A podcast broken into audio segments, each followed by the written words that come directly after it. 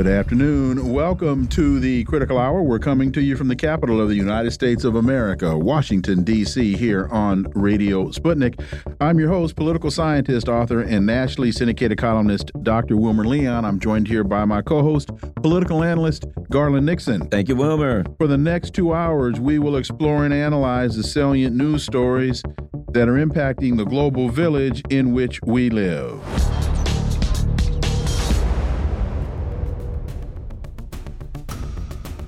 The New Arab reports horror in Gaza hospitals as Israel kills 90 people in Jab. At least 110 people were killed in Israel's bombing of Gaza's uh, refugee camp, with more than 100 injured, according to the Gaza Health Ministry. The head of the Gaza Health Ministry said that the victims were buried in mass graves near the Kamal Adwan Hospital. For insight into this, we turn to our first guest. He's an award winning broadcaster and journalist based in Beirut, Lebanon. Laith Marouf, as always, Laith, welcome back. Thank you for having me. So the uh, the hospital attacks continued overnight, with the uh, World Health Organization describing the situation on the ground as a complete horror scene, as Al uh, Shifa Hospital and appalling at the recently destroyed Kamal Adwan Hospital. The Nasser Hospital in Khan Yunis was also shelled, killing 13 year old Dina Abu Messin, who recently had her leg amputated after her house was bombed and her father, mother, and two siblings were killed. Uh, Laith, I, I in all sincerity, and and, and Garland, I, I'm struggling with drawing this comparison because it is incredibly incendiary, and the rhetoric can many times be determined to be over the top. But because when you start making comparisons between what's happening in Gaza and what transpired uh, to to the Jews during World War II, again, that can be incredibly incendiary. But Laith, I'm having a hard time finding reasons not to draw those comparisons. Well, you don't have to find any more reasons because actually, uh, the uh, Council of Colonies, one of the heads of the councils of the colonies in uh, the Zionist colony yesterday, said that uh, they should turn Gaza into Auschwitz. So there now they are they themselves, as Zionists, are saying that they are going to use and are using the same methodology of the Nazis and their oppression of uh, Jewish minorities in Europe. Um, and the reason that they're able to do that and say all these things openly is because they only people that can hold them, um, you know, to account to this are their masters in Washington D.C and they are allowing them to continue this uh, genocide unabated. Uh, the uh, Kamal Adwan Hospital has been completely destroyed, by the way, just in the, since the morning. Uh, and uh, we know yesterday there's, you know, criticizing Israel now is reaching some of the highest uh, voices in Europe. We heard yesterday the Pope uh, this morning actually, uh, you know, say that the attacks on the church, there was an attack yesterday on the church in Gaza, uh, where a mother and a, her daughter, both Christian Palestinians, uh, were shot by snipers inside uh, inside the, the, church. So snipers are shooting inside the churches now in Gaza, and the Pope is saying this is a war crime. So, you know, I don't think there is anybody left in the world that uh, supports the Zionist colony except the uh, crazies that are governing in the United States and the West. They are not even representing their own population or their positionality. We saw also today uh, surveys come out of youth in the United States. And if you can believe this, 70% almost of youth in the United States believe that the Israel has no right to exist and that it should be given back to the Palestinians as a solution. This is This is a, a, a world right now where we live in where uh, the Zionist colony and the United States are standing by themselves uh, and de- defaming themselves actually with their own actions against humanity it does seem to be a matter of, of a self destruction. Um, um, you know, one of the questions I, I, wanted to ask you there was a report, I'm sure you're familiar with it, about the Israelis running over some patients in front of a hospital with bulldozers. Are you familiar with that story? I mean, it's the videos out there, it's a harrowing video so there's this uh, Israeli military bulldozer, and it doesn't look like a small bulldozer; it's a huge thing, and it's and it just uh, went through the yard in front of the hospital, the open space where people had tents. Uh, the refugees and the patients were out there because the hospital is overflowing, and they just crushed all the patients and the families that are there uh, in front of the cameras. I mean, this is how you know how how depraved they are. Uh, they would do these things, uh, and and I think part of it is that they believe right now that they can get away with anything.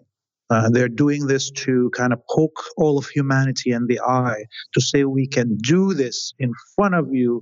You can all watch us crush patients and families under bulldozers uh, and you will nobody can stop us. I mean, they did it uh, years ago, you know, almost two decades ago, to to uh, an American uh, youth activist, uh, Rachel Corrie, and nothing happened. So now they can bulldoze a whole uh, hospital and the patients in front of live cameras, and nothing's going to happen either today. So the resistance in Palestine is the only solution to end this genocide, uh, and the West is not going to stop it. I'll com combine two stories here. One is uh, the British Maritime Trade Operations Department, the UK MTO, says it has received reports indicating a possible explosion in the Bab al Mandab near the Yemeni port of uh, Mocha, and will combine that with shipping giants are now suspending transit through the Red Sea due to Houthi attacks. Major shipping companies are stopping transits through the Red Sea due to attacks from Yemen's Houthis that have come in response to the Israeli onslaught in Gaza. The Economist reported in, in a list the number of companies have all paused or suspended services in the Red Sea. The Hong Kong based container shipping line OOCL has announced it was suspending all shipments to and from Israel. And Garland and I, and along with you, Laith, we were saying last week that the the attacks from um, uh, from from the Houthis would have a decimating impact uh, on shipping, and that this is demonstrating the global repercussions, and that these ty these are the types of actions when you engage in a guerrilla war, and these are the types of victories that these organizations can claim. Oh, yes. Oh, yes. I mean, we uh, heard also right now, just a few hours ago, the, the largest uh, shipping company from uh, Taiwan also ending its uh, shipping through the, the Red Sea. But I think the most significant out of these uh, half a dozen companies that now already stopped shipping through the Red Sea, the most significant of them was the OOCL from Hong Kong, who said they have suspended all shipping to and from the Zionist colony, no matter which which uh, port it's going to go to, the Mediterranean or not, uh, or the Red Sea. So, what does this mean? This means that uh, we're seeing now a boycott start from China, the major shipper of products in the world, is beginning now to add its voice to the uh, boycott of delivery of services to the Zionist colony. At the same time, you know, the, the announcement by Ansarullah just a few hours ago that these two ships that they attacked today, one of them was a oil tanker, the other is a container uh, ship, and both of them were going to the Zionist colony, and both of them, uh, one of them was taken to the port of Hodeida, the other turned around and left. And this is all happening while the right now at least 36 military ships are patrolling the area in the Red Sea and the Arabian Sea around Bab el Mandeb Strait. So that means that the uh, uh, um, that means that the Houthis, Ansarullah, their weapons were able to uh, you know go through all of these defenses that the West has put there, including a whole uh, aircraft carrier group.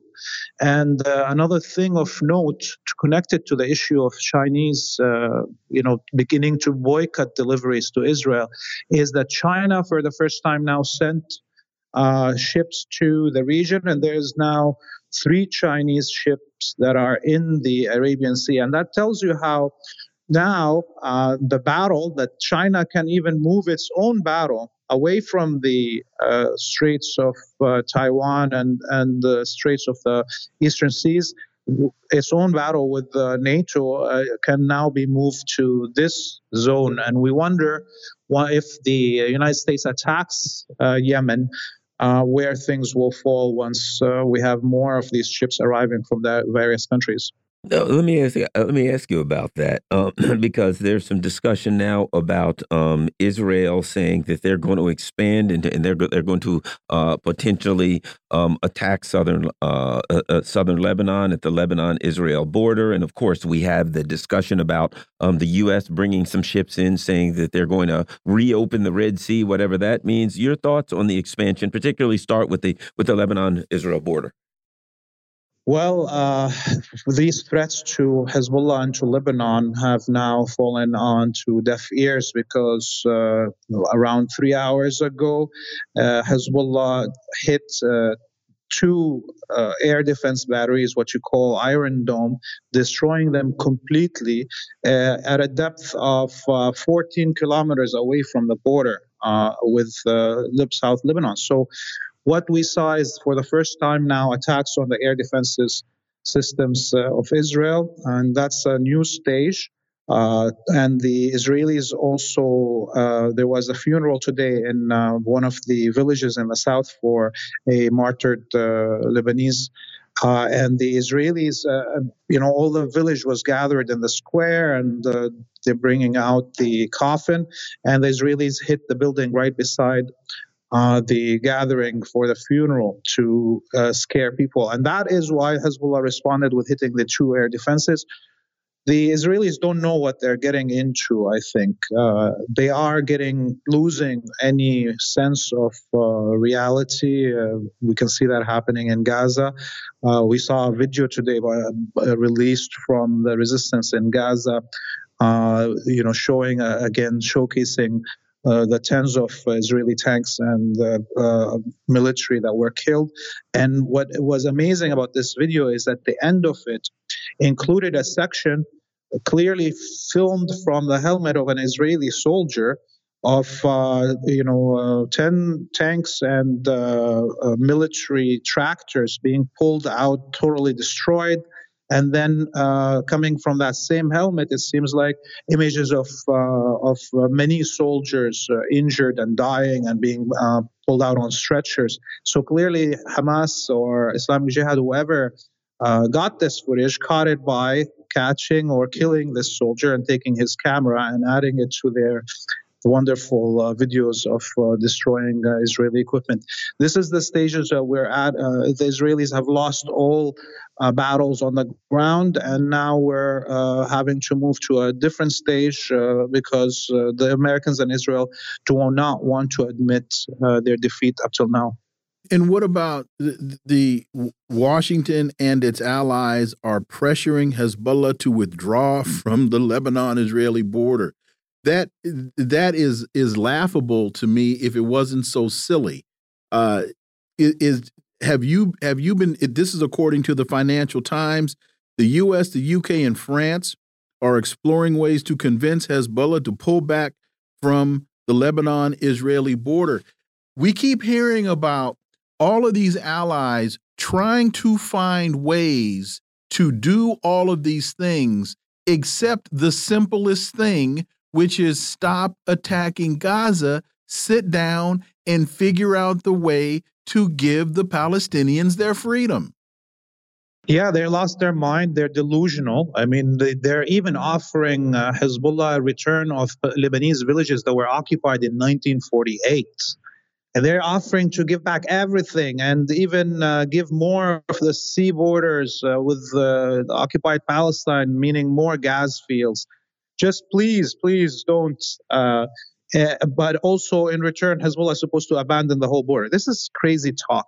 If you're already uh, admitting that you're so defeated that you're willing to give back uh, every piece of land that you occupied from Lebanon that for 75 years you've been refusing to. And then you're asking your uh, enemy, who's the victor in this battle, Hezbollah, to actually abandon their posts in return for something that they've already won in this battle, clearly this is where uh, it, it's clear that the leadership in the West has lost any ability to plan strategically, and uh, they're now all living in the twilight zone. And I know this is, uh, I believe, Syrian territory, but quickly, and I think we asked you this last week what about the Golan Heights? The Golan Heights uh, is the quietest of all the fronts. Uh, Israel attacked Syria last night again, once more. Um, but uh, I don't think that front will stay quiet in the event of a full breakout of war between Lebanon and the Zionist colony. And this is where we're going towards. We, you know, I think I think the resistance is keeping some of its uh, capabilities as a surprise. They're not going to open all the fronts at the same time. Laith Marouf, as always, thank you so much for your time. Greatly, greatly appreciate that analysis, and we look forward to having you back. You have a great evening. Folks, you're listening to the Critical Hour on Radio Sputnik. I'm Wilmer Leon. I'm joined here by my co host, Garland Nixon. There's more on the other side. Stay tuned.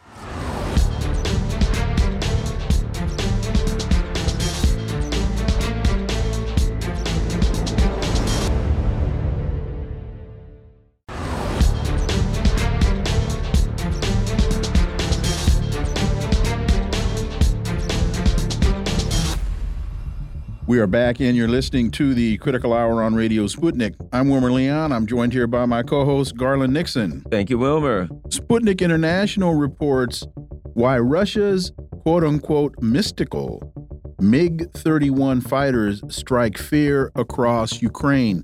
Whenever a Russian MiG 31 supersonic interceptor aircraft takes off from a Russian airbase near Ukraine, it triggers panic among the Ukrainian military.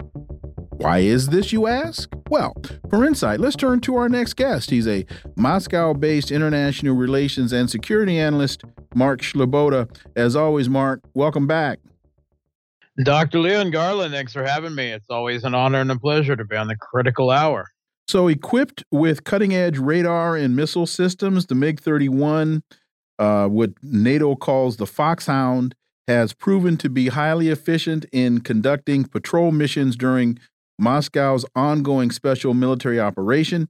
Each time it takes off, it triggers an air raid alert across the entire Ukraine, unleashing significant disruption to the national economy, according to reports in the Ukrainian press. Help us out, Mark Sleboda. What is it that makes this uh, this particular aircraft uh, so dangerous? I I love the title of the article you referenced. Why Russia's mystical MiG-31 fighters strike fear across Ukraine. Yes, it is a little known fact, not fact, that um, the, in the Hogwarts International Quidditch League, the broomsticks were replaced a few years ago by the MiG 31 uh, out. Uh, so they they no longer fly broomsticks while playing Quidditch. They fly the mystical MiG 31. No, just kidding. Um, it, as a mystique or mysticism aside, uh, the MiG 31 uh, holds up uh, after a number, uh, a couple of decades in service, uh, having numerous upgrades um, uh, with radars, phased array, and, and, numerous other systems over that time. Uh, it is uh, still a highly um, powerful aircraft, one of the fastest jet fighters in the world, making it um, a a kind of bête noire for the possibility of um, um, some uh, type of uh, uh, theoretical aerial duels uh, with NATO equivalents that that may not be so theoretical, you know, uh, uh, suddenly seem a real possibility sometime in the near future. Uh, but uh, with regards to this conflict, it's not necessarily the performance, uh, although that is, you know, certainly noteworthy of the MiG 31 itself, but what it is carrying.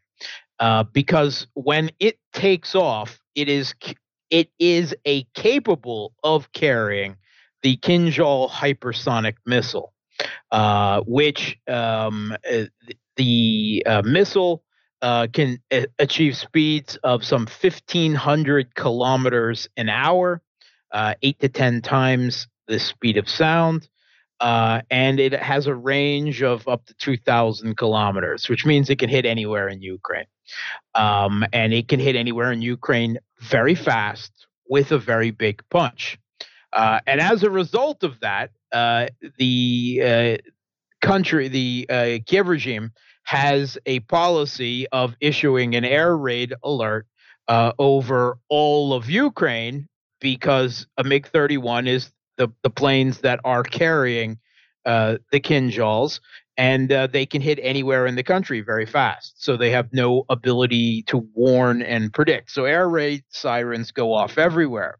And as a result of that, a large amount of the economic activity in the country shuts down, right? Uh, all of the remaining airfields uh, in the country, whether used for civilian or military use, uh, shut down. And most businesses and employees uh, in the country have a policy of sending their people when air raid sirens go off to um, bomb shelters, right? Uh, because of the possibility of damage. So um, they have done estimates um, recently. It's become a, a, big news item in Kiev, and it's only now reaching the Western press um, that uh, of the economic damage caused often by Russia, uh, simply putting a few MiG 31s in the air, having them do some loops for a few hours, and then setting them back down, but still without even firing a single Kinzhal, inflicting uh, a great deal of economic and and uh, organizational and probably morale damage uh, to the Kiev regime in Ukraine. Uh, so that's that's the specifics of the context here, and they haven't figured a a workaround that you know keeps their people as safe as possible uh, because of the threat that the Kinzhal that the MiG 31 is carrying presents. Sputnik International, Serbian ruling party coalition. Oh, wait a minute. I, oh, I have, I have two questions on Oh, that. okay. Sure, um, sure, sure. One is so it sounds as though this this MiG platform has has been a very very successful platform uh, for the Russian Air Force. I, will I'll I'll say similar to like a Ford F one fifty truck. It's it's just an incredible platform, and so they've been able to really save money because they haven't had to develop new aircraft. They just modernize the aircraft that they have and I was just excuse me for my ignorance of geography, yeah. but I'm wondering if those if those Kinzhals, if fired from say the Sea of Azov, can reach the Mediterranean. Ah, uh, so you, you you actually already know the answer to that, of course.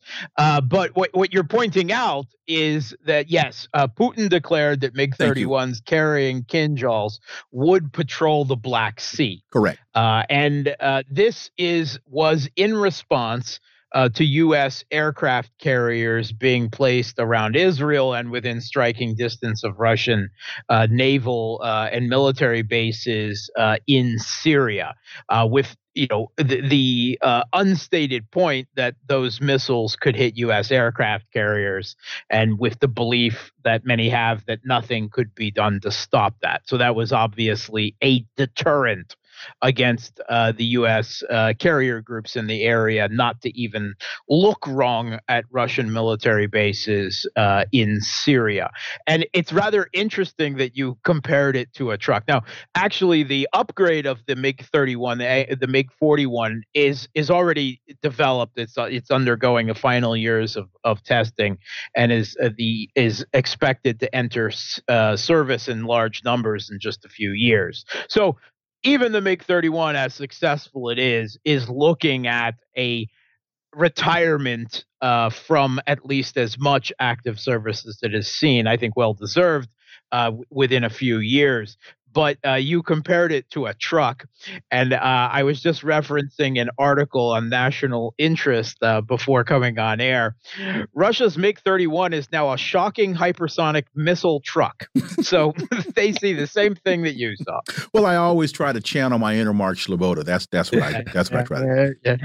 so, uh, well, what's up with the Serbia? Apparently, the ruling ruling party coalition yeah. has won. Um, what's what? What do we need to know? Yeah. Uh, so President Vucic called snap elections uh, for uh, president uh, for the parliamentary elections in the country. Uh, he was seeking a mandate for moving forward on a lot of important issues for the country, which include Kosovo, uh, um, Serbia joining the EU, and and the pressure that the West is putting on Serbia to bow to its sanctions on Russia, which uh, Vucic's government has up until this point resisted, although he has said on multiple occasions that he would resist as long as possible until the pressure gets too much. Um, it is, in a way, a decisive defeat. Uh, it is a victory for Vucic's um, uh, SNS, the Serbian Progressive Party, although in this case the word doesn't mean the same thing it does in U.S. politics. So just just discount that.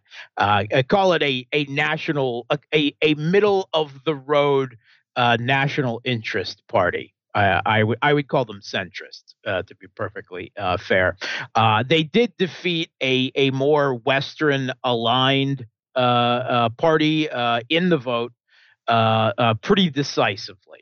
Uh, a, a, block of of of, of pro Western political countries. That said, uh, Vucic's own, uh, uh, you know, his the the course he's charted for the country, you know, and the Serbian Progressive Party as head of it, uh, has been to to seek admission in the EU right? Uh, and they're still seeking it, and they're basically still negotiating the terms, which pretty much have to do with recognizing Kosovo.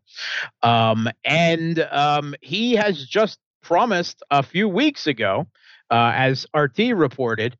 Um, to um, uh, improve relations with NATO and conduct more joint exercises. So while he's often referred to as Russia friendly, in the Western media. Uh, it's more the case that he's not rabidly anti Russian, and that alone is enough right? He recognizes the history and the culture uh, and and the views of a lot of his electorate with regards to Russia, but he has always charted a much more nuanced national interest course as he sees it, trying to balance between that history and the reality that Serbia is a landlocked country completely surrounded by the EU and NATO and and has very limited geopolitical options uh, in hold.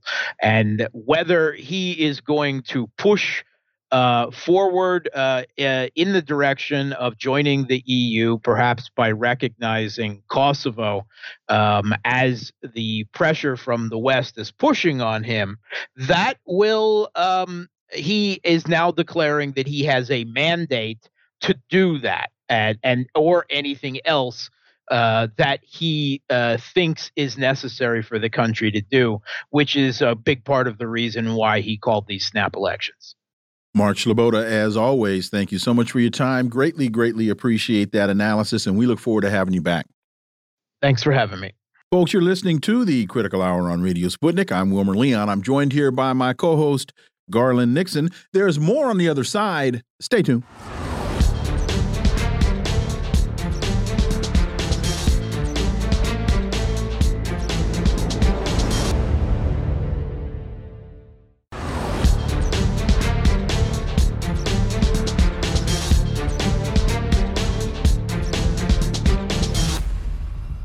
We are back, and you're listening to the Critical Hour on Radio Sputnik. I'm Wilmer Leon, joined here by my co host, Garland Nixon. Thank you, Wilmer. Asia Times reports why Netanyahu is ignoring Biden's calls and pleas.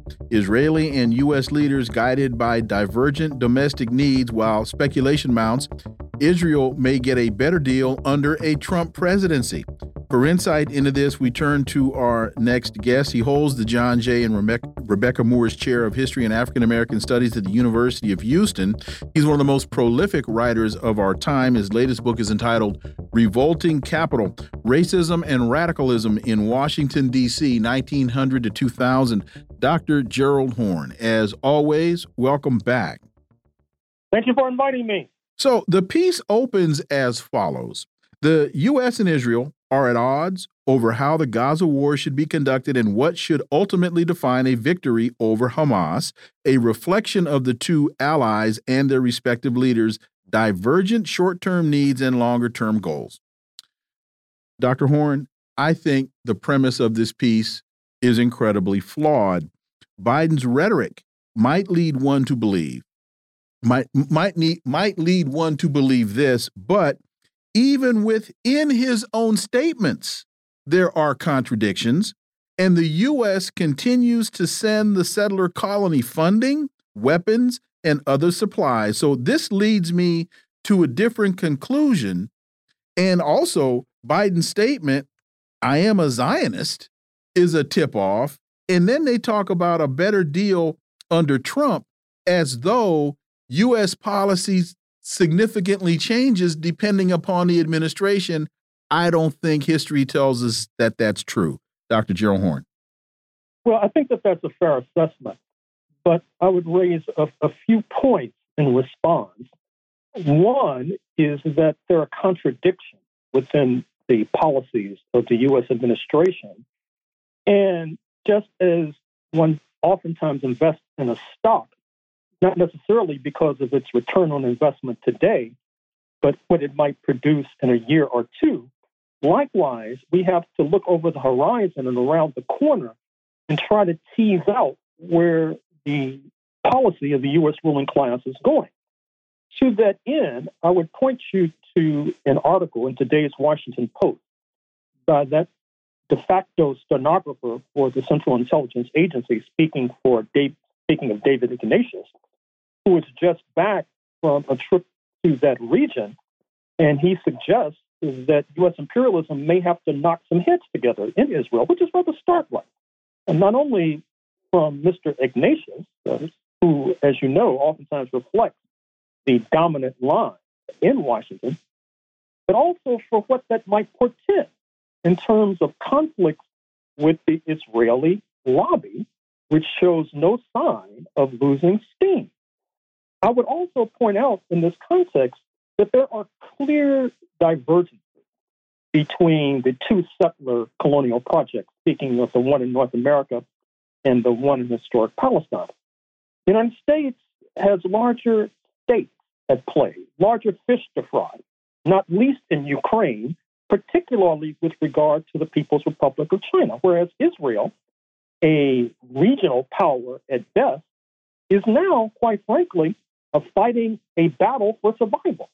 And we could not have necessarily envisioned this on October 6th, but it's not foreordained that Israel will win that battle for survival, which I think is leading to its rather hysterical policies that are drawing rebukes and reprimands from all over the world, but not enough thus far to shake the support of the U.S. administration, which has to bend the knee to a degree to the Israeli lobby. But it also has to bend the knee to the major U.S. corporations. And if you look at the stock of Starbucks, for example, uh, which makes a goodly a good number of its profits abroad, its stock is going down. As a matter of fact, uh, here's an investment tip: you should short Starbucks if you can get in on that uh, profit grab because many of its shops in West Asia are sitting empty. Ditto with regard to McDonald's. You probably saw the video of a pro Palestinian protester in Istanbul uh, releasing mice in a McDonald's shop. This is in response to that story. that said that McDonald's in Israel was giving out free Happy Meals to Israeli soldiers, which have now turned into unhappy meals as far as uh, McDonald's stockholders are concerned. And then there is the uncertain response of the so called Arab Street from Morocco and North Africa to Bahrain, where the United States has a, mili- a major military uh, fortress. Uh, that is to say, that despite their seeking to snuggle up to Israel with regard to the ill-fated uh, Abraham Accords, their populaces do not agree. U.S. imperialism now has to fret and worry that their embrace, their bear hug of Israel and Netanyahu may lead to the toppling of these regimes. And then of late, there is the story that we have been following concerning the uh, Suez Canal and the attacks from Yemen uh, on shipping, which has caused many of these shipping giants, who, as you know, in recent decades, in order to foil the National Maritime Union, which at one time in the United States was led by communists of Jamaican origin, such as Ferdinand Smith. Then they adopted these flags of convenience. They now fly under the Liberian flag, for example. But now, despite being so called Liberian ships, they want the U.S. Navy to organize convoys, even though they're not paying taxes to the taxpayers. And apparently, the U.S. Navy is going to comply, uh, which is one more blow at the U.S.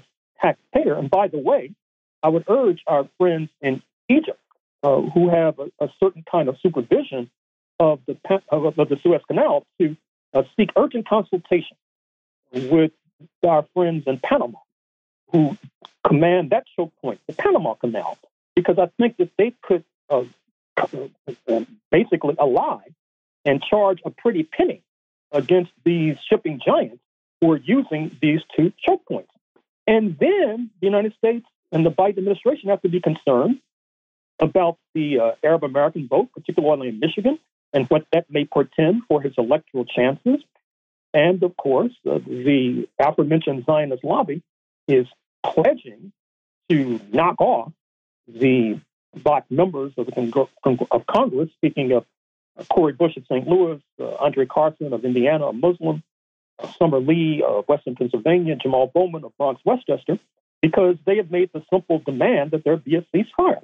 Uh, what that will mean for a possible Democratic control or lack thereof of the House is uncertain, but certainly does not bode well. And I should have mentioned in that litany uh, Congresswoman Ilhan Omar of Minnesota.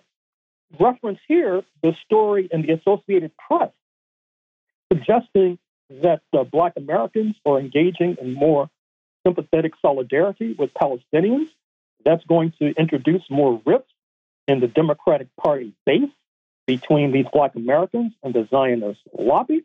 And then, of course, uh, hovering above all else is the fact that NATO, North Atlantic Treaty Organization, may be in the process of fraying, not only because of the possible return to the White House of the uh, Orange Man himself, speaking of Mr. Trump, uh, but in his uh, pledge or his suggestion that he will pull the United States out of NATO. But the Western European nations have to be concerned that this U.S. bond with Israel is jeopardizing capitalist interests overall, not least in the so called global south, the global majority, that is to say, Uh, which flexed its muscles in the General Assembly a few days ago when it voted overwhelmingly for a ceasefire. So the White House has a lot of issues on its plate I'm not sure if they have the bandwidth or the intelligence or the moxie to deal with all of these issues. And that does not necessarily bode well for this 46th U.S. president. Um, uh, Asia Times, China's choices on Gaza and Ukraine. And what's interesting is when you get to the end of this article, they say Israel has to find a way to integrate more and better with the rest of the Middle East. It has to stop being a European outpost. It has to bridge to Europe, blah, blah, blah. Uh, Dave must have wrote this article a while back because it looks to me like a number of the things that they're proposing right now, there is little of any chance of that happening. At any rate, your thoughts, Dr. Horne? Well, that's the understatement of the decade. I mean, uh, let's face it, uh, Israel styles itself as a European outpost. That's why it's affiliated in sports, such as in basketball, not with its neighbors, but with the Europeans. That's why it participates in these cultural extravaganzas like the so called Eurovision concerts that take place on an annual basis. And so that is the story with regard to Israel. But with regard to China, I think Israel has been disappointed, to put it mildly, by the response of China to this crisis because Israel thought it had a deal with China. After all, Israel had been accused credibly of leaking advanced U.S. military technology to the People's Republic of China. That is a reflection of the power of the Israeli lobby, which is able to squash not only dissent, but even simple press coverage of stories with this kind of explosiveness. Now, of course, uh, China has made it clear that it stands with the Palestinians uh, to the disappointment of Prime Minister Netanyahu. Uh, China recognizes that uh, if this crisis in Palestine is not resolved in a satisfactory manner, that will give jet propulsion to the crisis U.S. imperialism would like to ignite in Taiwan, which, by the way, will have important elections in a few weeks, which will tell the tale as to what the fate of that 20 million strong island off the south coast, southern coast of China will be.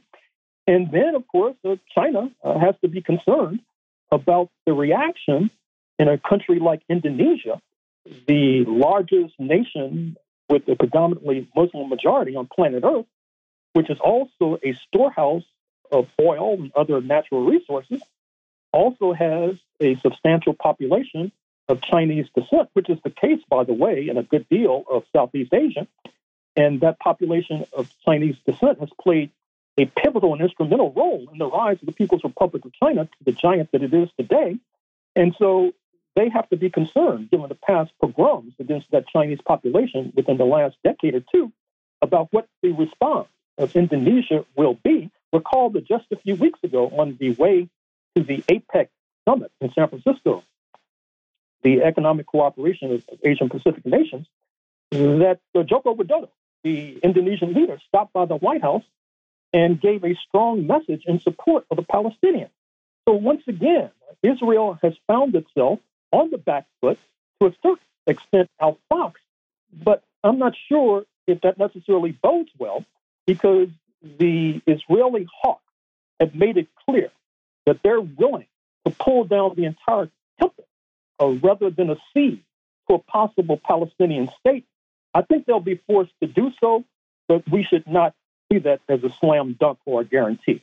Uh, really quickly, Al Mayadeen uh, English, the U.S. Congress silences dissent by targeting reputed academics. Really want your take on this as an academic yourself. You know, when I listen to uh, Stefanik, Congresswoman Stefanik's gibberish, a lot of it was a bunch of hypothetical rhetoric. What if uh, students were to call for the genocide of Israeli students or people in in Israel, while in fact the United States is backing actual genocide.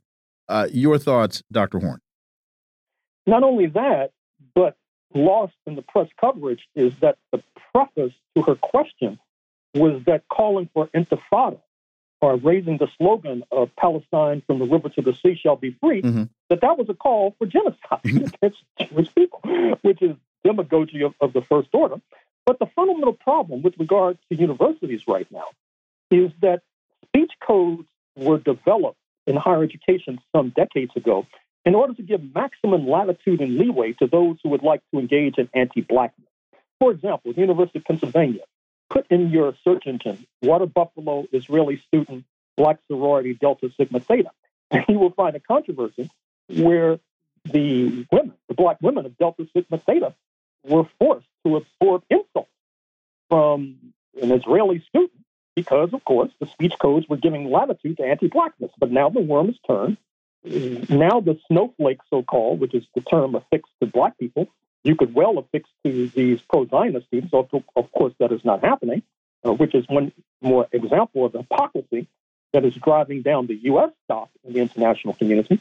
But I dare say that the Zionists may be overreaching Uh, you, you, saw that in the column by Bret Stephens in the New York Times a few days ago, a basic primer on why he thinks anti Zionism is anti Jewishness or anti Semitism. And he made the rather remarkable comment that only Jewish people can create, can, can, can critique Zionism. Mm-hmm. Now, if I were to say that only black people can uh, critique um, black nationalism, I'd probably lose my job. And that kind of hypocrisy is what's driving down the U.S. stock. And that, of course, we cannot be sad about. Dr. Gerald Horne, as always, thank you so much for your time. Greatly, greatly appreciate that analysis, and we look forward to having you back. Thank you. Folks, you're listening to the Critical Hour on Radio Sputnik. I'm Wilmer Leon. I'm joined here by my co host, Garland Nixon. There's more on the other side. Stay tuned.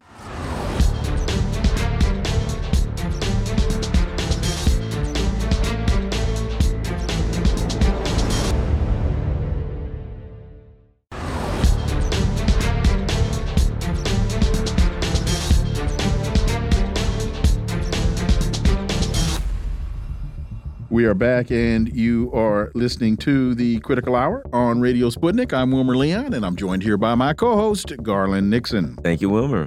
Antiwar.com reports Guyana and Venezuela agree not to use military force to resolve territorial territorial dispute. The agreement was the product of talks that came at the behest of Brazil. Garland, they resolved something through dialogue. I bet Tony Blinken's upset. Imagine that. For insight, let's turn to our next guest. He's the former Assistant Secretary of Education and Public Service at the Smithsonian and board member at the Institute for Policy Studies in Washington. James Counts Early, as always, welcome back. Good to be back with you.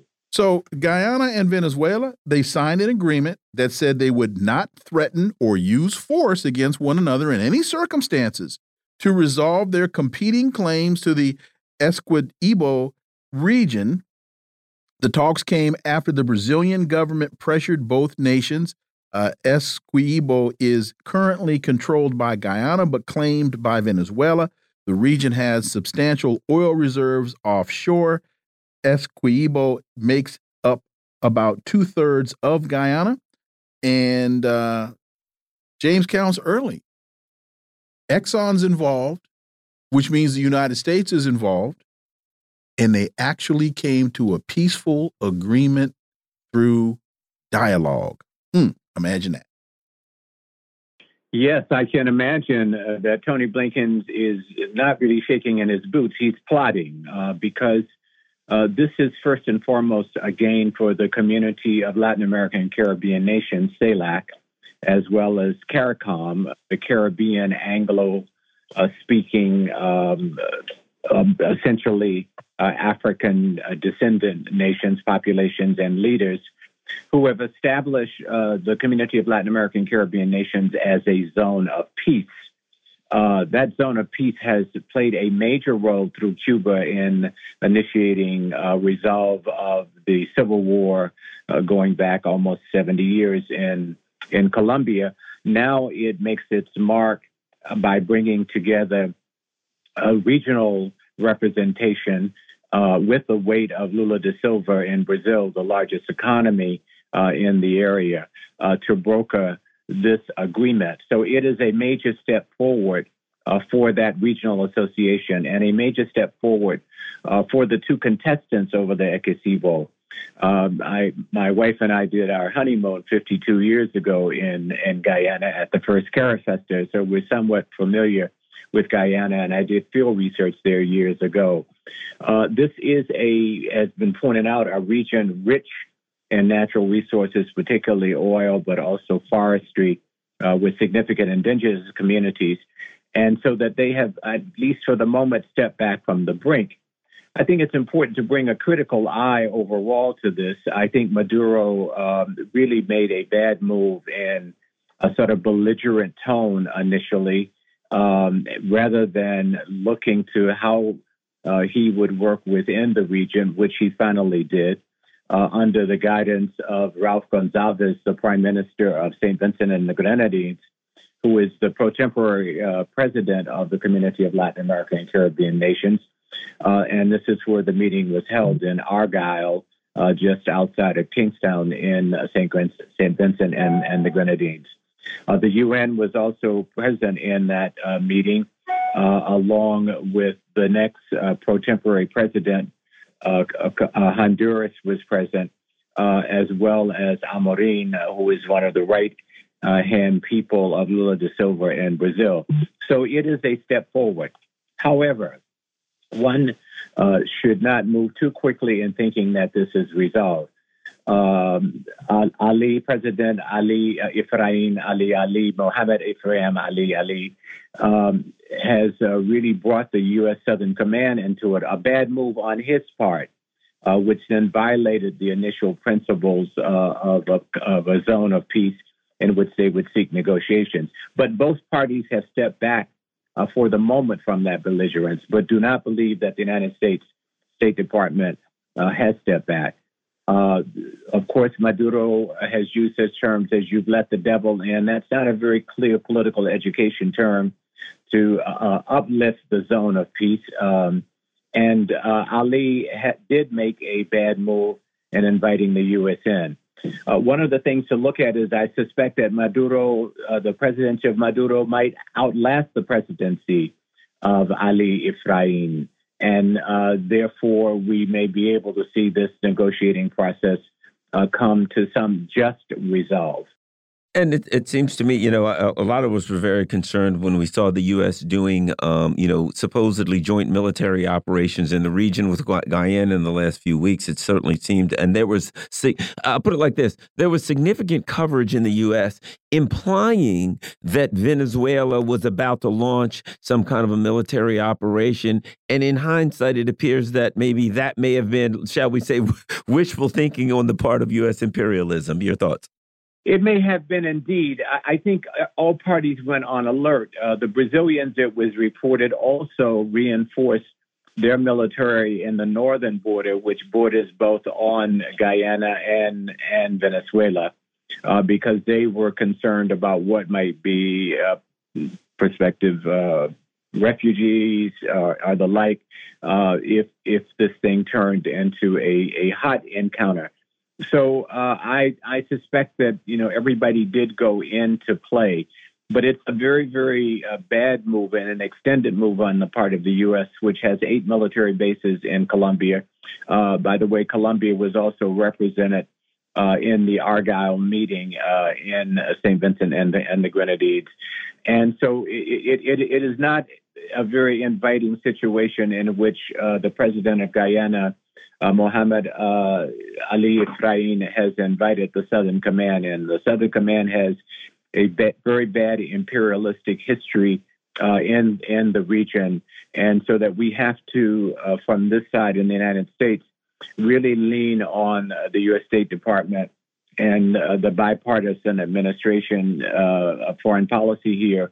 To really hold the reins on on the Southern Command because this could get out of hand. Now, Maduro, you know, accused uh, Ali of inviting the devil, both the Southern Command and uh, Exxon Oil. in. And of course, uh, Ali responded that a deal has been made with Chevron and and Maduro. Uh, all of this uh, exemplifies that um, petro political policy and contestation uh, is still huge on the globe, and particularly uh, in South America, where not only is the world's largest oil reserve is in Venezuela, but huge oil reserves in Brazil. And of course, lithium is all over Latin America, Bolivia in particular. So this is the larger context in which uh, citizens should be aware and be informed of how to support uh, this zone of peace because these are the contending forces from which wars do emerge, particularly around petropolitics. We, we have just about a minute left. You mentioned Maduro's tone. I'm wondering who his target audience was with the tone that he was employing.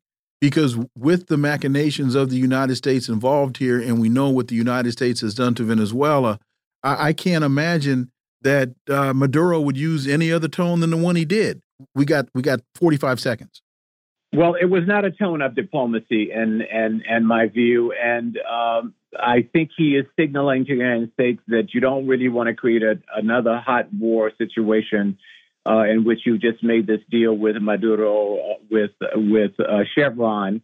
Uh, because the oil situation around the globe has got the U.S. where it has had to make a compromise with Maduro and with what I would call right now the the nationalist opposition okay. uh, to Maduro that is they're interested in the in protecting the country.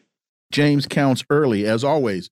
Thank you so much for your time. Greatly, greatly appreciate that analysis, and we look forward to having you back. Look forward to it. You all take care. Thank you. It is important to pay to pay very, very close attention to this because I love the fact that that James said that uh, Blinken is plotting and we know that the United States doesn't go quietly into the night. Yeah, uh, in fact, the um, the leader of Southcom recently, we we reported on this a few months ago, was specifically saying that the U.S. military was interested and concerned about South America because of the resources, and now they've discovered all of this oil in Guyana, and so uh, you know the the prophecy comes true, shall we say? Folks, you're listening to the Critical Hour on Radio Sputnik. I'm Wilmer Leon. I'm joined here by my co host, Garland Nixon. There's another hour on the other side. Stay tuned.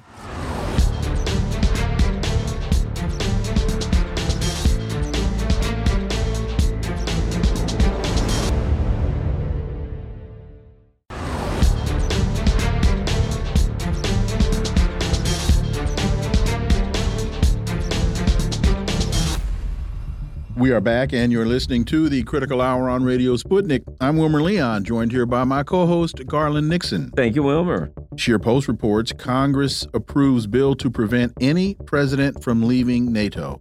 The provision was packed into the National Defense Authorization Act, which has been approved by both the House and the Senate. For insight into this, let's turn to our next guest. He's a political activist. She's a political activist and organizer Donna Davis. Donna, please forgive that. Uh, welcome. Thank you. So, the legislation was a bipartisan effort led by Marco Rubio and Tim Kaine and would prohibit the president from leaving NATO without Senate approval or an act of Congress. And according to The Hill, Kaine said the legislation reaffirms U.S. support for this crucial alliance that is foundational for our national security. It also sends a strong message to authoritarians around the world that the free world remains united. I'm wondering how much of this is really tied to all that that Tim Kaine said versus a serious concern that Donald Trump could be reelected and he has threatened on more than one occasion to remove the United States from NATO. Donna Davis.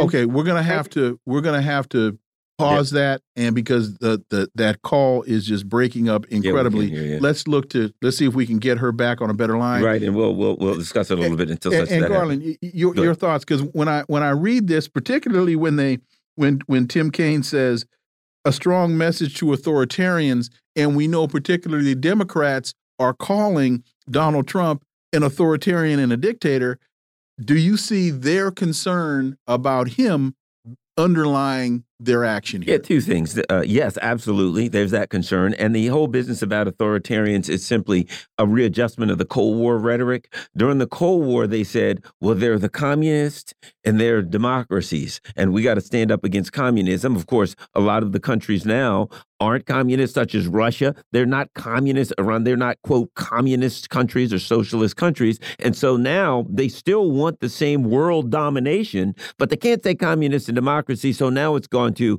authoritarian and democ and and and uh, what is it? Authoritarian and free or whatever democracy. Right. It's just new rhetoric. But I, a big part of it is this: there's a lot of be money money to be made with NATO. well, you know what I mean. So there's this a lot is, of so cash is, to be. This is Lockheed Martin, and this is this is Raytheon and the military industrial complex basically calling in their chits that they have already paid for and saying we can't now because here's the other here's the flip side of that you have european countries that are questioning whether or not being in nato anymore makes any sense I would think that Germany is very concerned since the United States uh, engaged in an act of war against a NATO member called Germany by blowing up the Nord Stream pipeline. Well, and I think they're looking at Ukraine. Mm -hmm. And they're seeing, man, the end of this doesn't look good. We have Donna back. We I think we have okay, Donna let's, back. Let's Donna, you with us? Yes. There we go. Yeah. Okay. Oh, that's so the first, the first, the first question to you: uh, Your thoughts about Tim Kaine's comments, and is there concern about a reelection of Donald Trump part of their motivation for passing this legislation? You know what? It's impossible to understand them working on something that no one asked for. In a certain, with the, when the backdrop is that Florida is its own circus, uh, and Virginia is not far behind. So I don't really understand what these two individuals are after. Um, I would have a lot more to say about Marco Rubio because I live in Florida, but I won't because it's just more nonsense from Washington. Well, and I think the thing to look at it is okay, they were the two that, in my opinion, were selected to put forward. But when it comes down to it, with something like this, everybody, Democrats and Republicans, hide behind it, jump on board, and say, "Yes, we got to make sure we do this." But what do you think about my point that this about this?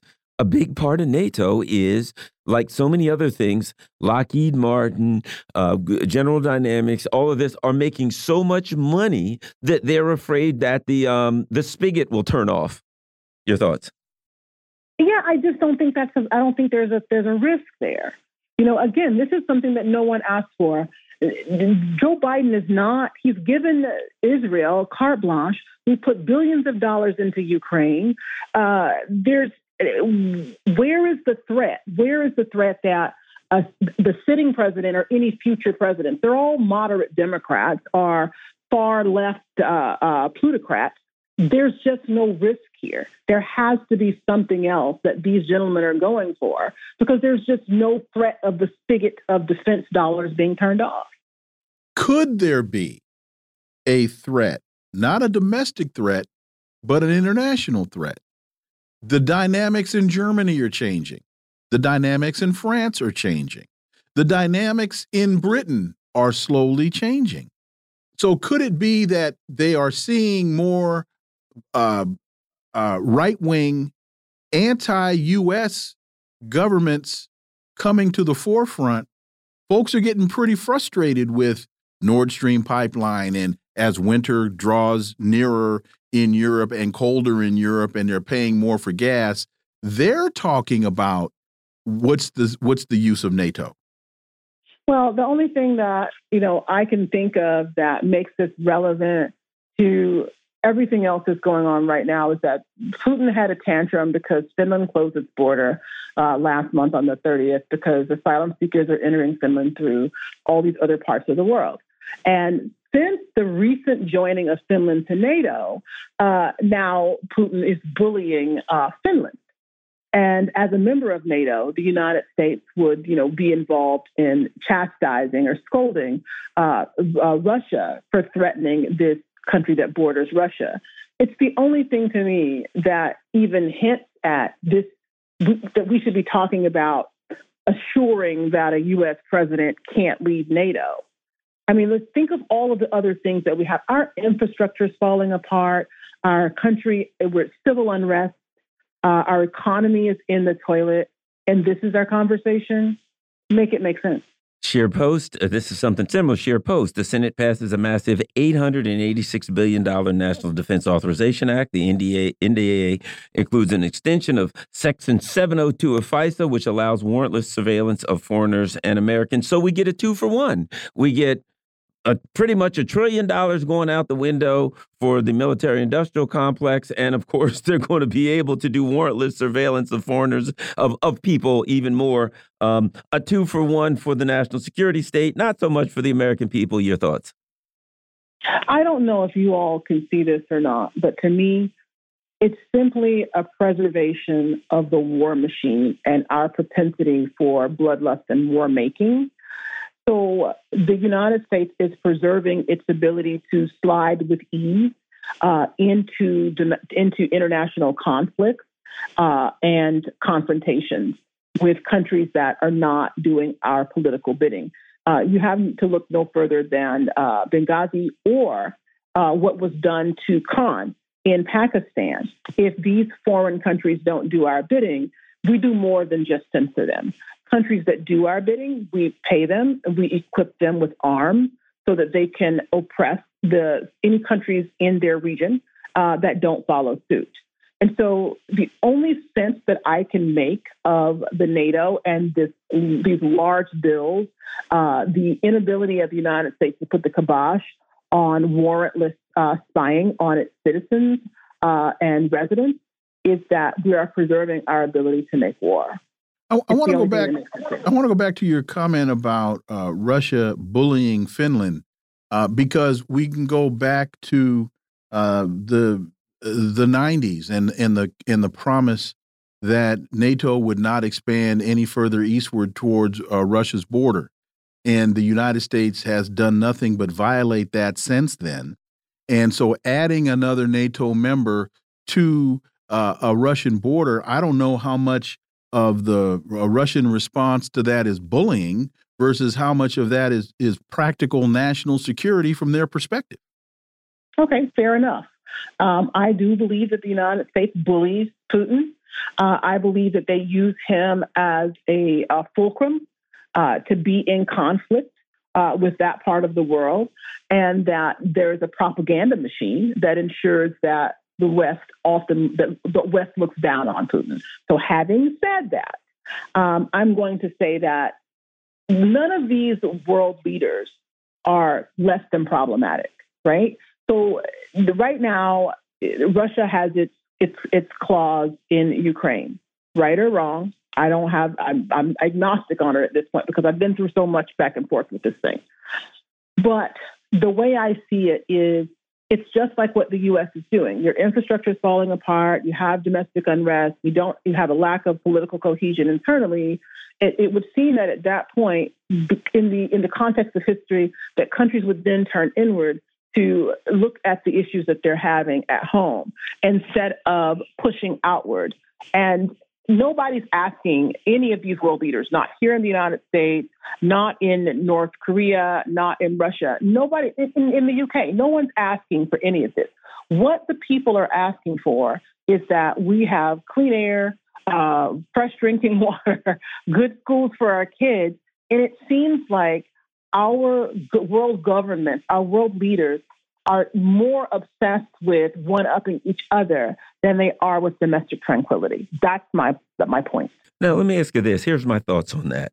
The U.S. has a thousand bases around the world, right? Which basically we're an empire. I don't I don't even consider the country the US a nation. I consider when you got a thousand bases around the world and other countries have like one, two, or three, you're an empire. Yeah. Isn't it kind of the nature of an empire to eventually they collapse because they eventually completely ignore the people at home and all of the money is spent, oh, we've got a we're uh, on Russia's border we're on China's border in Taiwan. Oh, wait a minute. We've got to be over here in the Middle East with the Gaza. Oh, wait a minute. Something's going on in Venezuela. And the empire gets overstretched because it's trying to control everything around the world. And the people at home start to starve or whatever the case. So, isn't this kind of the nature of what empire does? It's the playbook. It's Alexandria. It's uh, it's the um, British Empire, it's Greece, it's Rome, it's now the US. This is what Spain, this is what happens to every empire. But the same way when we watch genocide take place, it's always very clear how awful it was in retrospect. When our leaders are committed to war making and empire building, they cannot, they don't have a sense of our connection to the loss of life, uh, the the document of human history that gets lost in these wars, um, or the um, the impact that it has on future generations.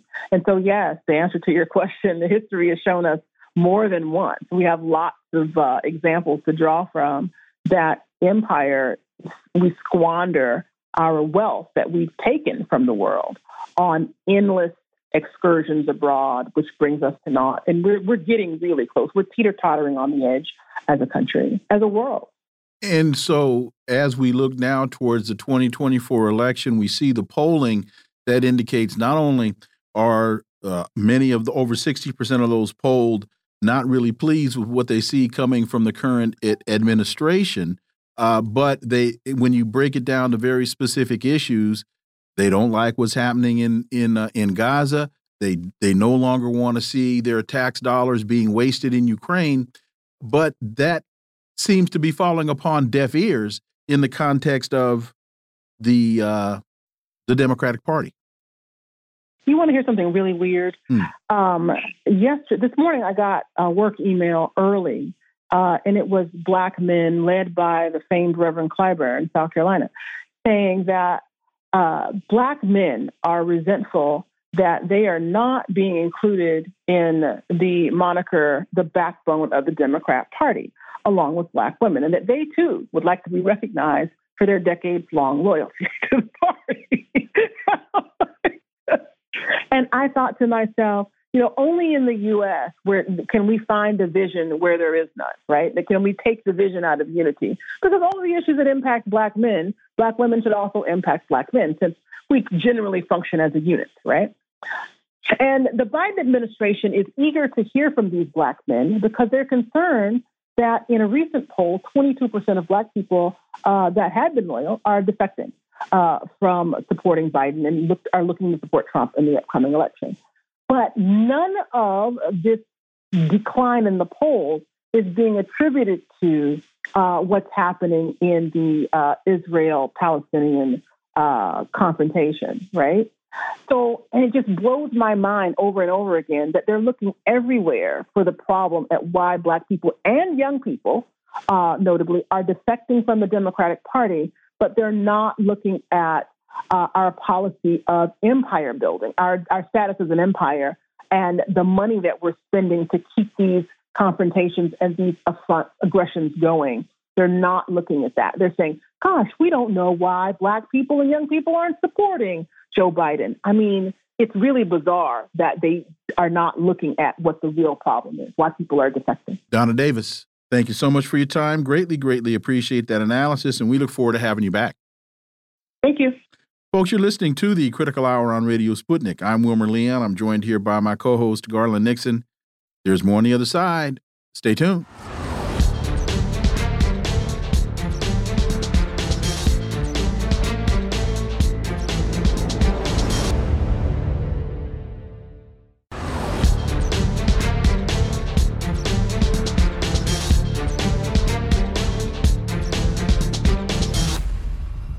We are back, and you're listening to the Critical Hour on Radio Sputnik. I'm Wilmer Leon, joined here by my co host, Garland Nixon. Thank you, Wilmer. Ukrainian membership threatens EU farmers, according to Poland. European agro producers won't be able to compete if the country is admitted to the bloc, the deputy agriculture minister says. For insight into this, let's turn to our next guest. He's an independent investigative journalist and author of three books The Frozen Republic, The Velvet Coup, and America's Undeclared War. Daniel Lazare, as always, welcome back. Thanks for having me. The Ukrainian agriculture sector could destabilize food security in any EU country. If we want this, we should independently open our doors to Ukraine and say, we are shutting down our agricultural enterprises because their work will no longer make sense. And Dan, you know, when I read this, I immediately thought about this must be the United States' influence on trying to implement a NAFTA type arrangement with the EU. Your thoughts?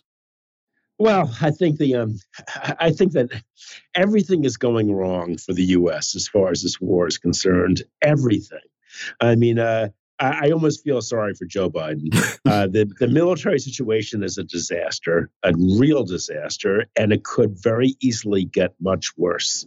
Uh, meanwhile, the uh, the the the talk about admitting uh, uh, uh, the Ukraine to the EU, the European Union, is having is causing some amount of blowback. There is a truckers' blockade at the border uh, of the Ukraine that's been going on for weeks, has traffic completely immobilized, and Polish farmers and farmers of other countries as well are complaining complaining about cheap Ukrainian exports that are undercutting their own their own crop prices. So things are just going to falling apart in a really spectacular way. And I think this is going to get worse.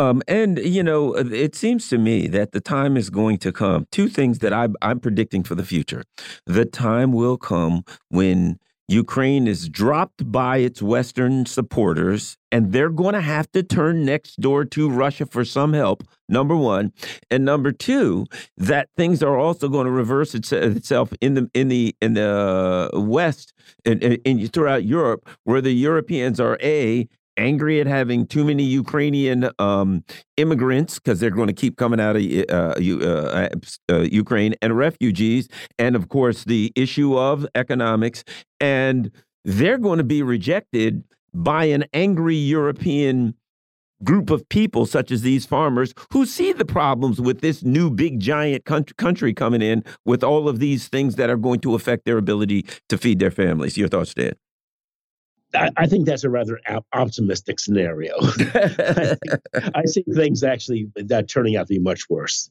Um, I, I, think there's a danger that the, uh, the, Ukrainian front could collapse. And I think if it does collapse, I think what we'll see is civil war in the Ukraine.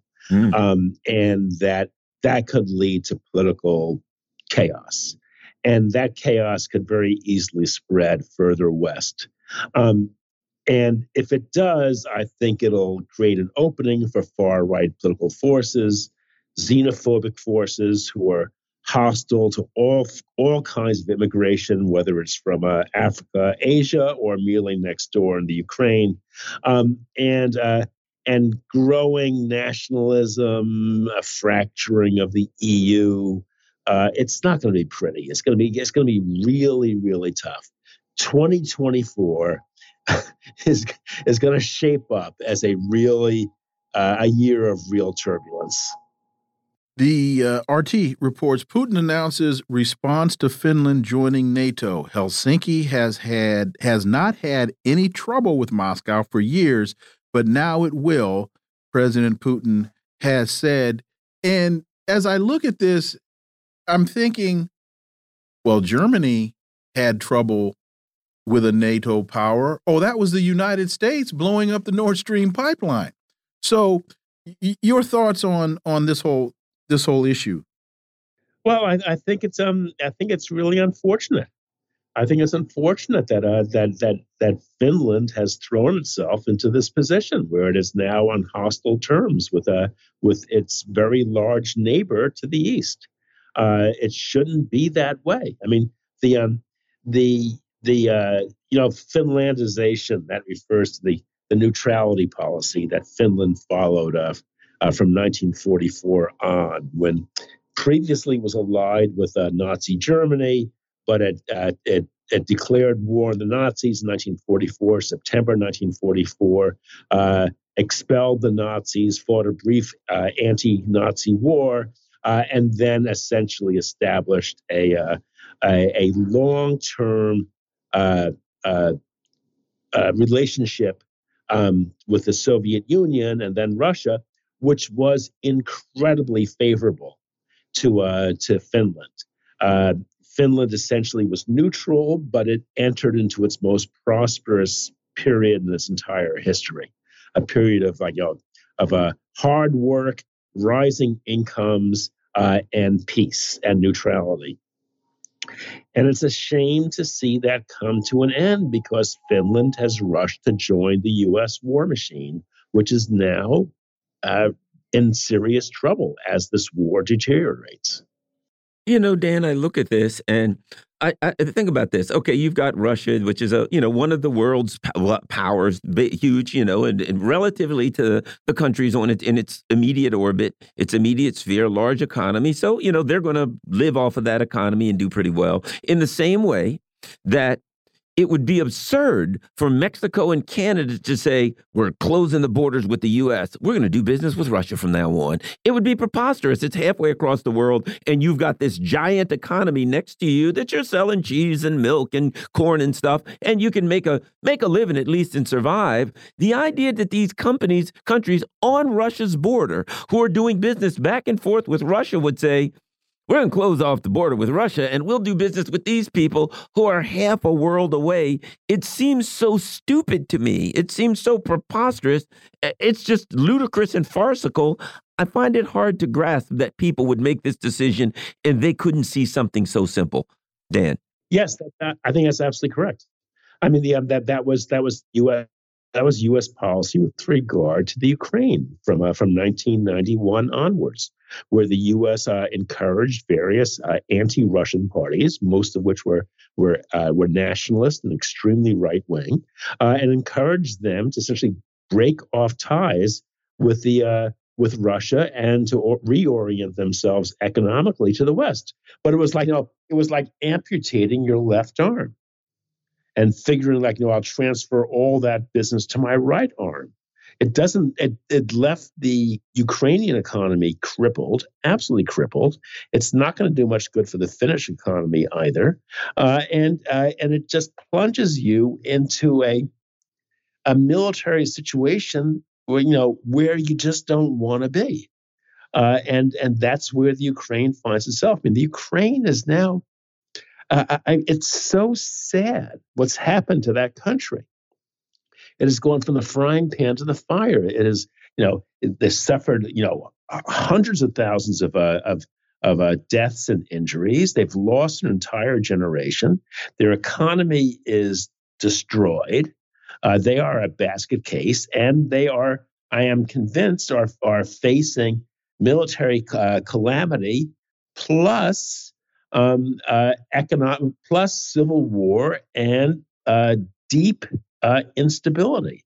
It's just you know it's like how to destroy a country in a in in um, you know in, in, a mere decade because that's how long it's been almost exactly since the start of the Euromaidan uprising, which eventually toppled the government in Kiev, uh, established a pro a pro Western government, which was also heavily influenced by by by neo Nazis, uh, and essentially, like you know, uh, the country into a confrontation with Russia. Putin dismisses Biden's claims that Russia would attack NATO as absurd. This is absolutely absurd. I believe that President Biden is aware of this. This is merely a figure of speech to support his incorrect strategy against Russia. He added that Russia has no interest in fighting with NATO countries. My first, when I read this, I, I the first thing that came in my mind then was, is anybody even listening to Joe Biden anymore? This, I mean, because we, you know, we've been told, oh, well, we were told at the very outset of the issue with Ukraine, oh, this is just uh, uh, uh, Putin's uh, foray, a foray into taking over the world, that he wants to, you know, take over your. Is anybody listening to Joe Biden at this point on issues like this? Well, a couple, several things. I mean, first of all, Putin's. I, I think Putin is absolutely correct. That there, he has. No, there's no reason to think he has any intention of attacking any NATO member whatsoever. Uh, to do so would be would be foolish. There'd be no point to it. He wouldn't gain anything by it. He would just merely suffer a series of really awful consequences. Uh, number one. Number two, Joe Biden. Joe Biden uh, turns out to be like you know one of the really worst uh, uh, military strategists who has ever occupied the uh, the Oval Office. Uh, I, Biden is Biden began as a a huge cheerleader for the war in Afghanistan. We know how that ended up. He and he was a huge cheerleader for the invasion of Iraq. Uh, he supported the intervention in um, in Libya. Uh, he enthusiastically backed uh, uh, U.S. Pro- the U.S. proxy war in the um, in in Syria, which ended very badly, and now and then he maneuvered the Ukraine into a war with Russia, and and and this this war is going to end as badly as the Afghan adventure did. So, and this is you know you know, I mean, I don't, I don't want to say it's all Biden's fault, but it's a great deal Biden's fault. He is uniquely uh, incompetent when it comes to these kinds of ventures. Well, you, I believe, uh, Daniel Lazare, in making that statement, are in very good company, as in former President Barack Obama warned us never underestimate Joe's ability to F stuff up. So I think you're in pretty good company in that in uh, on that point. Dan Lazare, as always, thank you so much for your time. Greatly, greatly appreciate it. We look forward to having you back. Thank you. Folks, you're listening to the Critical Hour on Radio Sputnik. I'm Wilmer Leon. I'm joined here by my co host, Garland Nixon. There's more on the other side. Stay tuned.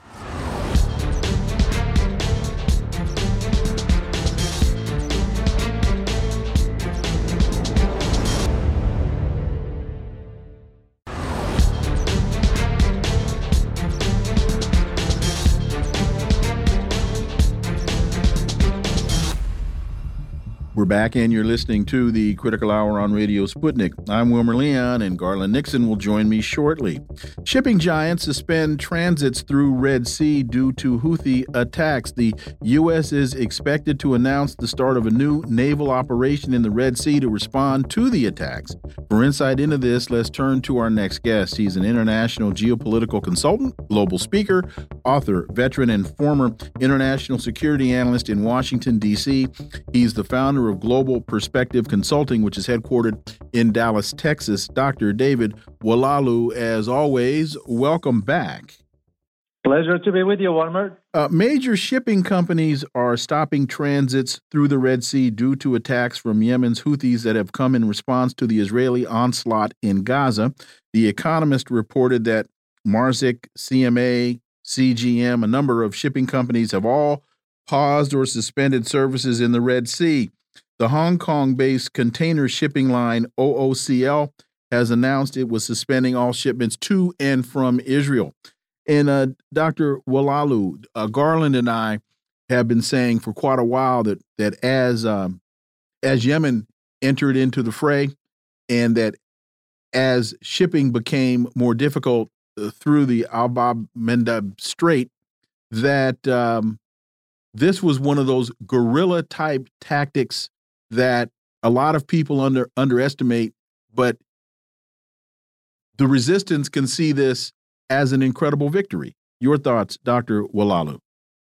Uh, in, indeed, Galen. I mean, if I may just add another uh, company uh, which recently uh, announced also the suspension of its operation, which is German one, is, is Hapag Lloyd, also added to this. Mm -hmm. Uh, the idea of that the, the, the Houthis, first of all, how the media is portraying uh, by using the term, which I found very interesting, using the term rebel. You know, they are not rebel. They are a movement that is well organized and well armed. As one who spent time in Yemen, we were familiar with their abilities. I mean, heck, they toppled the whole regime inside Yemen, and we couldn't defeat them. So, where the challenge is, which, by the way, FYI for your listeners, there is now a conversation behind closed doors, behind the scenes, that the U.S. wants to negotiate with the Houthis regarding this. So, despite what you read out there, despite what you hear out there, there is behind the scenes channels that is now paving the conversation uh, for with the Houthis as they just attack another two two other ships today, which the two ships were linked to Israel. So, so to me, is the idea as a geopolitical analyst, it highlights one thing. And that thing is, uh, uh, in a form of question, are we going to be seeing a shift of the Gaza conflict from Gaza into the Red Sea? That's the way I see it. That's the way, because this now it's going to become a much bigger issue because you're looking at a global trade at stake here. And so many companies move through the Red Sea, shipping companies, that is, uh, global goods, commodities, and so forth. And the Houthis have that ability to really influence traffic near Bab el Mandeb because they can target it from both sides. Bab el Mandeb on the side of Yemen, mm-hmm. and you look at the Somalis on the end of Africa. Correct. this is why it's a very, very crucial. As a matter of fact, one of the ships has been taken to Somalia. So, and now you're seeing the, you're hearing the conversation rather about well, we need to establish a task force uh, led by the U.S. Uh, it gives you an idea right there that Israel couldn't attack the Houthis. It's because they know Houthis have missiles in their possession. As a matter of fact, I saw one footage that was not reported here with a missile fire that attacked one of the ships, and it was not reported here in the West. So this is where I see those dynamics, and now it's, it's going to become a question, like I mentioned earlier, whether the conflict is going to sort of expand all the way to the Red Sea.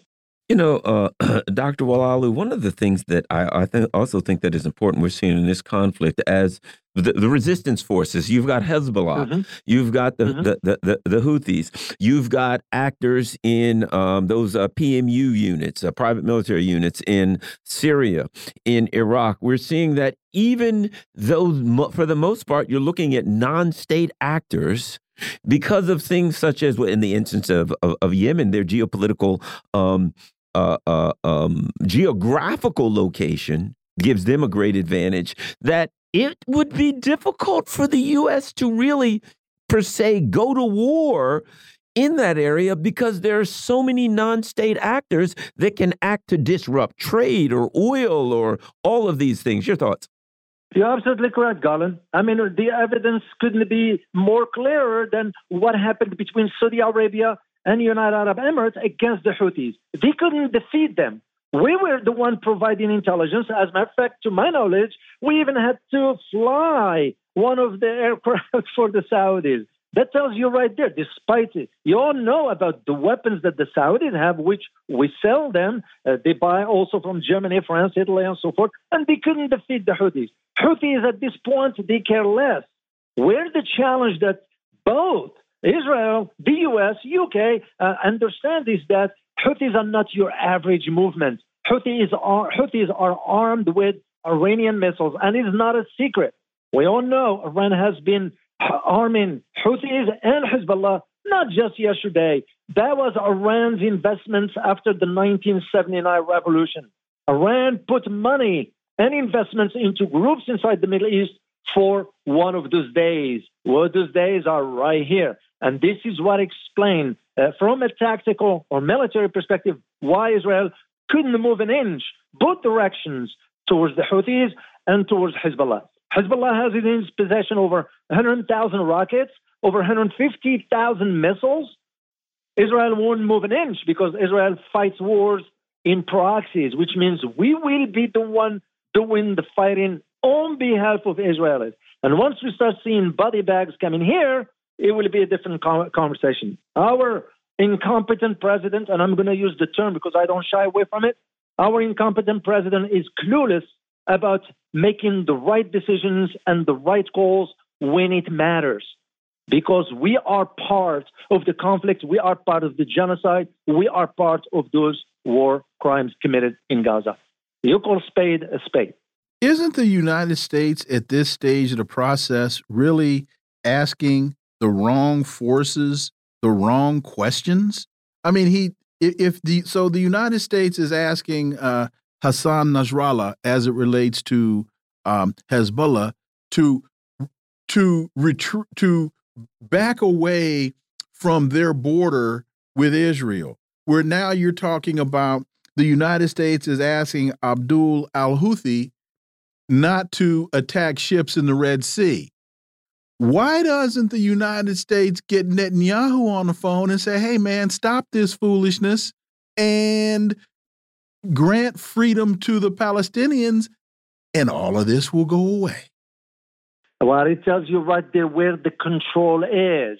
Even the president himself now is doing the bidding for Israel instead of, as you well said, force Netanyahu to go and do the, his own work because again, and we all know your viewers, uh, your listeners, I'm sure they are aware of the role of the AIPAC, the American Israeli Political Action Committee, how powerful and influential when it comes down to decisions regarding the Israeli policy. So the idea that our president is doing the bidding for another country it shows you right there that the, the fundamental issues that we have. When you have our Speaker of the House, first order of business is to issue funding for Israel. It shows you what the priorities are. While American families are struggling uh, to make to make ends meet, and we all know with issues, inflations, and so forth. This issue now in Israel, and and by the way, to go back to your point about Hassan Nasrallah, it's because Hassan Nasrallah has no issue with Washington. Hassan Nasrallah has issue with Israel. And the United States understand this dynamics, especially after we, what took place back when we were bombed inside Beirut, because we couldn't understand the dynamics. And because it was Hassan Nasrallah's forces, Hezbollah that is, that kicked Israel out of uh, uh, uh, Lebanon after 15 years uh, uh, occupation there, it became clear that Israel will not be able to move an inch on its own. So what Israel is going to do? It's going to suck in the United States into the conflict. And this is why the U.S. is trying to reach out to our uh, Gulf allies, Saudi Arabia, because we wanted to pull them into the conflict. And they're smart enough to know because the shift on the geopolitical landscape in the Middle East is already underway, but not to the U.S. favor. Naked Capitalism reports Western policymakers are panicking because there was no plan B if the counteroffensive has failed. And, and as uh, we've had other guests brought up recently, it appears that Ukraine is moving towards some kind of a civil war with the internal things going on there. Your thoughts, Dr. Oualaalou? Well, and this became more evident for what the incompetent German chancellor just said when he addressed the parliament that he's going to issue a national emergency if Russia wins. Does anybody needs to remind him that Russia already won the war? That's one. And second, Ukraine is gone. It's gone the way it used to be. If they think that the Russians going to give back the territories in the east, they are mistaken. And the third element is that all these hypes that the West was about Russia is going to, because this is not what's going on is they are trying to say Russia's going to invade Europe. Russia's going to, even our president saying, well, if we don't do this, they're going to invade the U.S. That's how idiotic we has become. That suggests there is no strategy in place.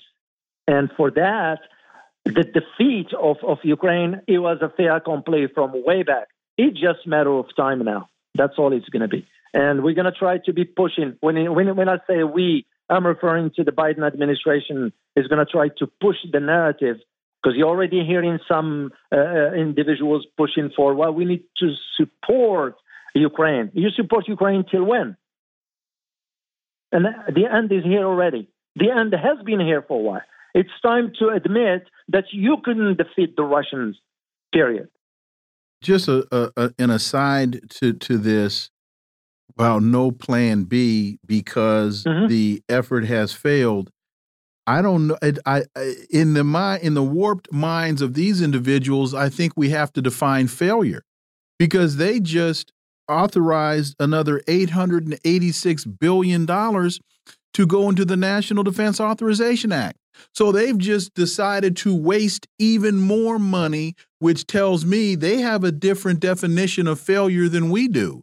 If the if if if continuing to feed the military industrial complex is the ultimate objective i don't see failure here unless they wanted a trillion and only got 8 866 which always has been the case Wilmer. that was the whole idea of it i was aware of the 20 uh, of the of the 200 uh, 2,200 pages of the. I didn't read it all, I'll admit it, but I was aware of it. I was aware of some uh, clauses in it and so forth. Uh, yes, it shows where the, the narrative is pushing towards. And yes, it won't be a failure from that aspect. But on the geopolitical landscape, yes, sir. the failure couldn't be clear. Correct. And, and it will be hard for us to admit it. As always, Dr. David Oualaalou, thank you so much for your time. Greatly, greatly appreciate that analysis, and we look forward to having you back. My pleasure. Folks, you are listening to the Critical Hour on Radio Sputnik. I'm Wilmer Leon. I'm joined here by my co host, Garland Nixon. There's more on the other side. Stay tuned.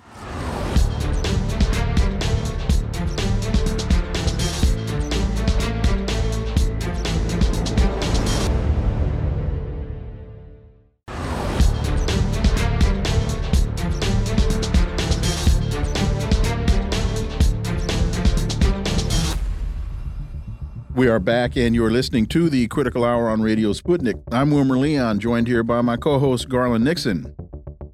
Thank you, Wilmer. Resolution in Congress calls for end to Assange case as extradition nears. For insight into this, let's turn to our next guest. He's the national organizer for Action for Assange, Steve Poikonen. As always, Steve, welcome back. Thank you very much, gentlemen. Good to be So, a resolution in support of WikiLeaks founder Julian Assange was introduced in the U.S. House of Representatives uh, on the 13th of December, co sponsored by eight representatives. It states that regular journalistic activities are protected under the First Amendment, and the U.S. government should drop all charges against and attempts to extradite Julian Assange. Steve Poikonen, your thoughts? I'm, I'm glad it's happening. I'm glad there's members of Congress willing to step up and, and put even something as flimsy as a resolution forward. Uh, I am horrified uh, by the lack of co-signers. Um, I've been uh, very disappointed in the lack of support that uh, politicians who who frequently talk that kind of, of rhetoric um, don't seem to have when it comes to Julian Assange. But any movement in this direction is positive movement, and uh, at the very least, uh, you've got a number of different independent media channels that are refusing to let this case die. And then every once in a while, I think we're going to talk about it, uh, a, a mainstream publication like The Nation will stick its head out a little bit too. And if that proliferates, then you get a little bit more genuine conversation in places where it matters. Well, you know, and uh, one of the things that we've seen, you know, yeah, I would like to say, oh, well, some of these uh, conservative people that are always screaming about the Constitution should be saying something about Assange. But I think what we're looking at, part of this is this is driven by the deep state.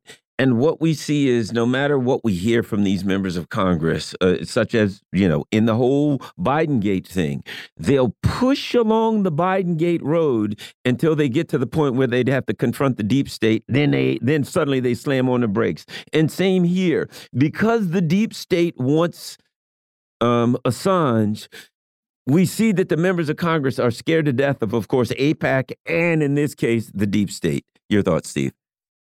Well, you're absolutely correct, Garland. And, and, that's the frustrating part of it because there is a permanent entrenched bureaucracy that is vehemently opposed to things like the United States Constitution. It makes it a difficult situation when the, they're the de facto power behind the state authority that issued the documents in the first place. So you you run up against a wall politically you run up against a wall in court. But as we've said the entire time, the, we have no faith in the court system. We have no faith in our politicians. This is only going to be won through enough people saying we refuse to let you sacrifice anyone at the altar of oppression and suppression of thought. And that starts and ends with the release of Julian Assange. They state in this ScheerPost piece, quote, and this is in the in the resolution. The disclosure of this information promoted public transparency through the exposure of the hiring of child prostitutes by Defense Department contractors, friendly fire incidents, human rights abuses, civilian killings, and United States use of psychological warfare.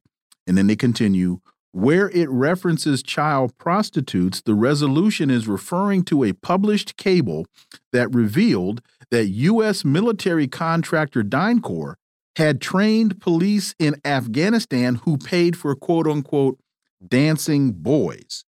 So it's it's good that they are even they're they're they're drilling further into the revelations that came through the uh, WikiLeaks releases, and they're showing that there are those in this government that are willing to cover up some very, very, very disgusting um, activities on its dollar.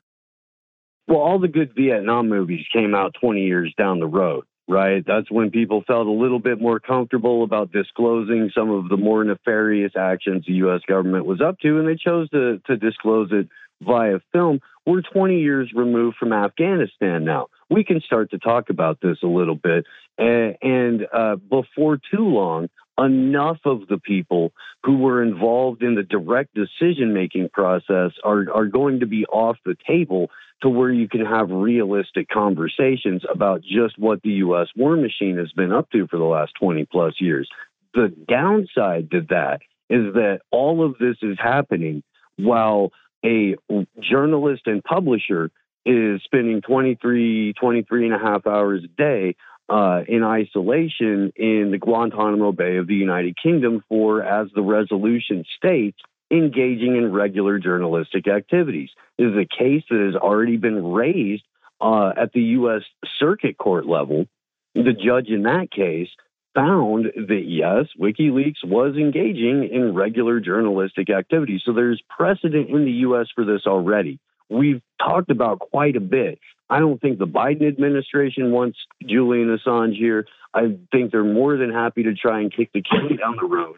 They've done it in the past, uh, and I think they would much the goal, I believe, the whole time has been to unalive Julian Assange, and he's been a little bit too stubborn in that regard. So they need to get him back to Australia where he can just be left to whatever devices out of the the eyes of the Western press eh, in as much as that goes, because Australia is a CIA colony from 1975 on. The other thing, another thing here, if you read the resolution, I think this is important. They'll never touch the empire or imperialism because even when you read the resolution, yeah, they address you know the, the the charges a little bit, the Espionage Act, they address the First Amendment, but what they don't address is that the U.S. does not have ju jurisdiction outside of the U.S. What Congress won't say is He's in another country. We can't go around charging people in other. They cannot charge you with exceeding the posted speed limit in Maryland if you're in Oklahoma, and they can't uh, uh, charge you with violating U.S. laws when you're in Europe, as an example. And they didn't mention Donald Trump trying to figure out a way to assassinate Julian Assange. Uh, how about that? Uh, there are some things that are very important legal issues that I really should have been in here. Anyway, your thoughts? Well, you're, you're correct, and this is this just underscores the the lip service aspect to it. Because number one, it is a resolution. There's no such thing as a permanently binding or binding resolution. It's a statement of general support to be entered in the congressional record. That's great, but there's no teeth to it. And then on the other end of it, you're absolutely correct. There's no even hint of curiosity about the most illegal aspects of this. As we said, number one, Julian Assange is an American or is an Australian citizen who's being locked up in the United Kingdom where citizenship was illegally revoked for him from the country of Ecuador uh, as a citizen of theirs in order to be charged in the what in the U.S. I, it, in no world does that make sense, which is why this is about setting a legal precedent as opposed to following any sort of letter of the law. When you need to violate the law, when you need to shut down the First Amendment or speech altogether, when you need to claim international jurisdiction over the press, you can't do that legally. So you have to create something called a precedent, and that's what they're trying to do. And uh, along these same lines, the nation reports Biden is overseeing the silent death of the First Amendment. By continuing the persecution of Julian Assange, the U.S. government is signaling, signaling how little it cares about press freedom. And just uh, as an addendum to that, I'd like to add the attack on the college presidents as another bit of another data point on the attack on the First Amendment. But Biden is overseeing the silent death of the First Amendment. Well, and this is something that we've discussed throughout the Biden administration because he had the opportunity coming into office to say, uh, you know, the Obama administration was correct. When I was vice president, we refused to touch this issue because of something we called the New York Times problem.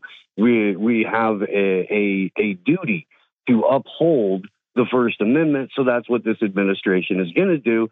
Charges dropped. That's all he had to do. But that's not what this is about. This is about the permanent entrenched bureaucracy of the United States uh, and the government that is ran from there having international jurisdiction over the press, the ability to yank people from wherever they are and throw them into your or one of your affiliate dungeons just because they're saying accurate things about you that expose you and your government to be uh, criminal fraudsters and mass murderers. Well, and you know, it's funny that we mentioned that that that, that and discussing, you know, uh, uh, uh, um, uh, what happened, the collateral murder, all of these things happened, and that it was after Obama that um, the charges were, were were were were brought, and that is because in the event that they would bring. Um, if, if any of us are the defense attorney, which none of us are, but if any of us were, if they bring Assange here, you're going to put Obama on the stand, and you're going to say, uh, "Aren't you a con weren't you a constitutional professor?" right?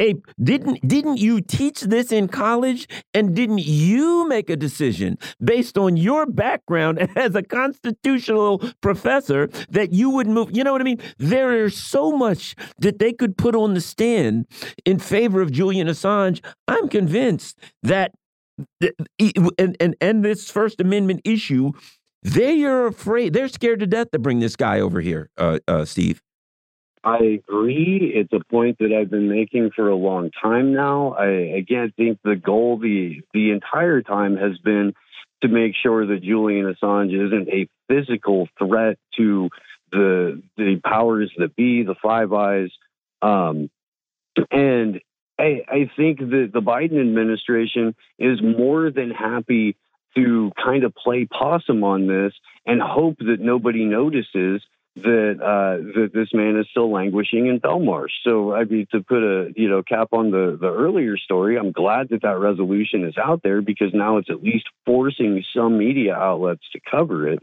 Um, but they don't want to touch this. They, they are. They're petrified of it. And to that point, we've got 45 seconds. Could could uh, could Assange's uh, defense team flip the script and say, you know what, we're going to drop the fight we want to go to American court. We want this story out in the public. Bring us to the United States. We'll be more than happy to come. Well, and that's the good position to take at this point because what you're doing is forcing everyone who's committed illegal act after illegal act to take a little bit of ownership of it. Uh, the Biden administration has no interest in doing that. The Trump administration had no interest in doing that. When they sneak Mike Pompeo into the RNC field in a couple of months, the I really hope that he has to answer questions about that. Uh, but it's it's a non-starter with all of these guys.